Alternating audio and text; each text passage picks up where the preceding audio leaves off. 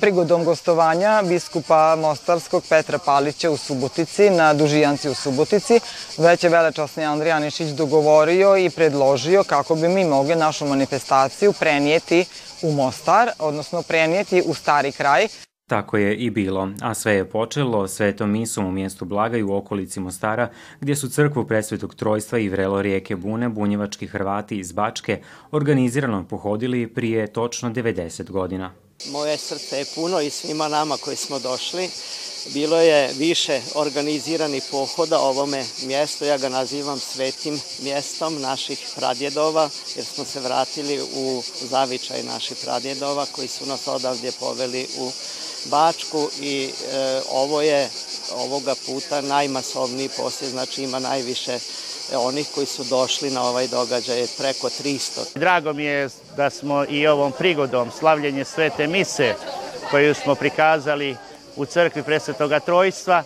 Nakon Svete Mise da smo otkrili i obnovljenu spomen ploču koji su bunjevački Hrvati 1933. ovdje točno 3. listopada 33. i postavili a evo danas smo je obnovili i otkrili. U ratu je ovdje domovinskog crkva strašno stradala, ali je vrlo zanimljiva stvar, ploča je ostala i imali smo prigodu ovom prilikom da je i obnovimo. U poslijepodnevnom dijelu programa uslijedila je tribina bunjevačke grane hrvatskog stabla u Hrvatskoj, Mađarskoj i Srbiji, a sve je krunisano bogatim kulturno-umjetničkim programom u Mostaru ispred Hrvatskog doma Herceg Stjepana Kosače, gdje su se, pored domaćina iz Hercegovine, predstavila i gostujuća kulturno-umjetnička društva. Prvo jedna velika i neizmjerna hvala bunjevačkim Hrvatima koji su nas večeras počastili fantastičnom predstavom. Naime, nekako se evo i u zraku osjeti emocija koju su izazvali ovdje i u publici i ljudi koji su ovo gledali su oduševljeni i stvarno imaju čime biti oduševljeni. Što se tiče same družjance i organizacije završne, završetka družjance ove godišnje u gradu Mostaru, preponosni smo da nas je zapala čast i prilika da možemo biti domaćini ovako krasnim ljudima.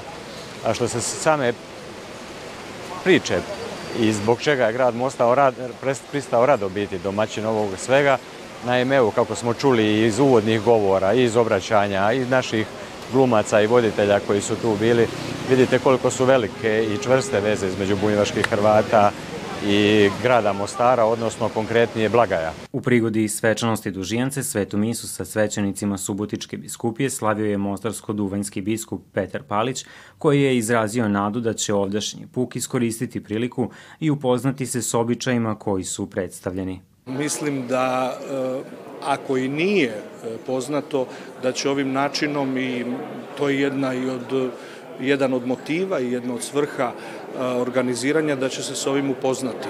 Naravno da mlađe generacije, iako danas u ovim načinima komunikacije i medijima danas možete pratiti e, na svakom dijelu svijeta ono što se zbiva, ali kad se nešto konkretno događa u jednom mjestu, u jednoj sredini, naravno da će sigurno to pomoći da se malo prošire vidici i znanja o samom događaju. Kako tradicija nalaže, proslava je završena povorkom od katedrale do Hrvatskog doma, gdje su bandaš i bandašica Petar Vukmanov Šimokov i Dunja Šimić gradonačelniku Mostara predali kruh od novog žita. Gledate paletu. Izbor iz emisija na jezicima nacionalnih zajednica.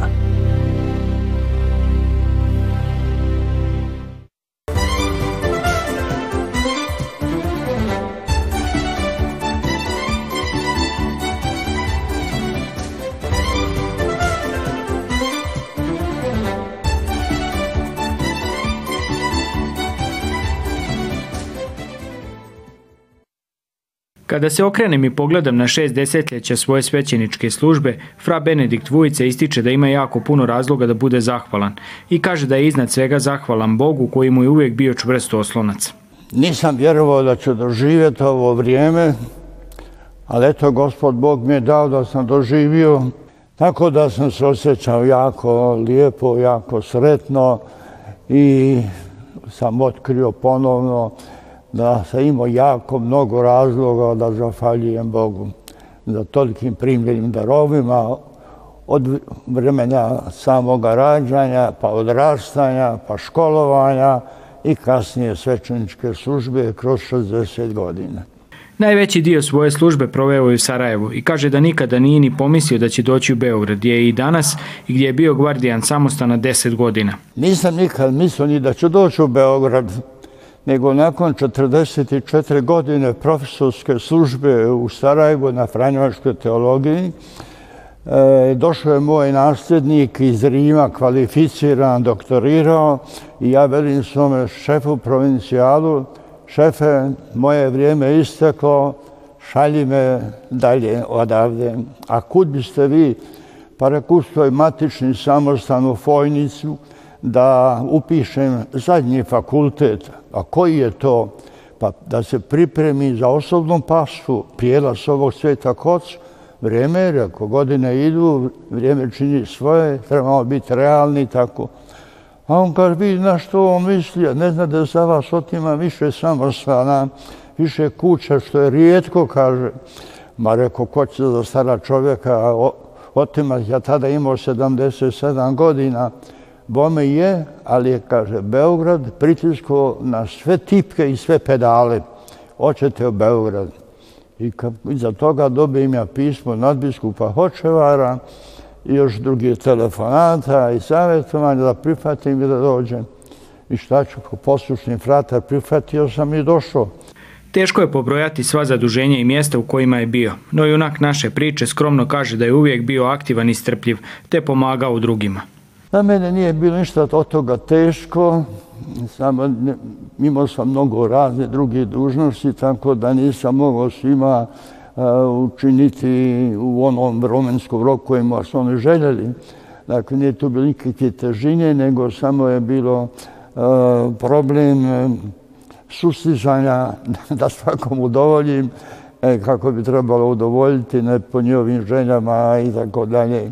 Onda bilo i prevođenja dokumenta, bio sam i službeni prevodilac dokumenta provincijala za Rim, iz Rima, ovamo i tako raznim jezicama, te prevođenje, te šaljenje. Da sam često puta i morao ići u Rim i na potvrdu ovih radova koja sam radio i uprave provincije i generalne kurije, tako da tu bilo poslova. Onda sam bio član međunarodnog bića, pa sam tu još išao u Afriku, u Keniji sam bio na jednom navječanju desetak dana, pa onda dole u Ruandi, pa u Peru, u Južnoj Americi, pa u Poljskoj, u Gora Svetejane, u Italiji, Austriji, Njemačkoj, tako bilo je to zanimljivosti, ali uvijek je to radno. Nisam nikad bio turist, nego uvijek radnik. Što je nešto što je označilo tih vaših 60 godina svećeništa? Što je nešto možda što biste izdvojili, istaknuli? A ne znam sam što bi izdvojio. Sve je bilo važno, sve je bilo korisno i neka je se Bogu na slavu. I što sam god dobro radio, to je Božja milost, Božji dar, a što je god slabo, to je moje.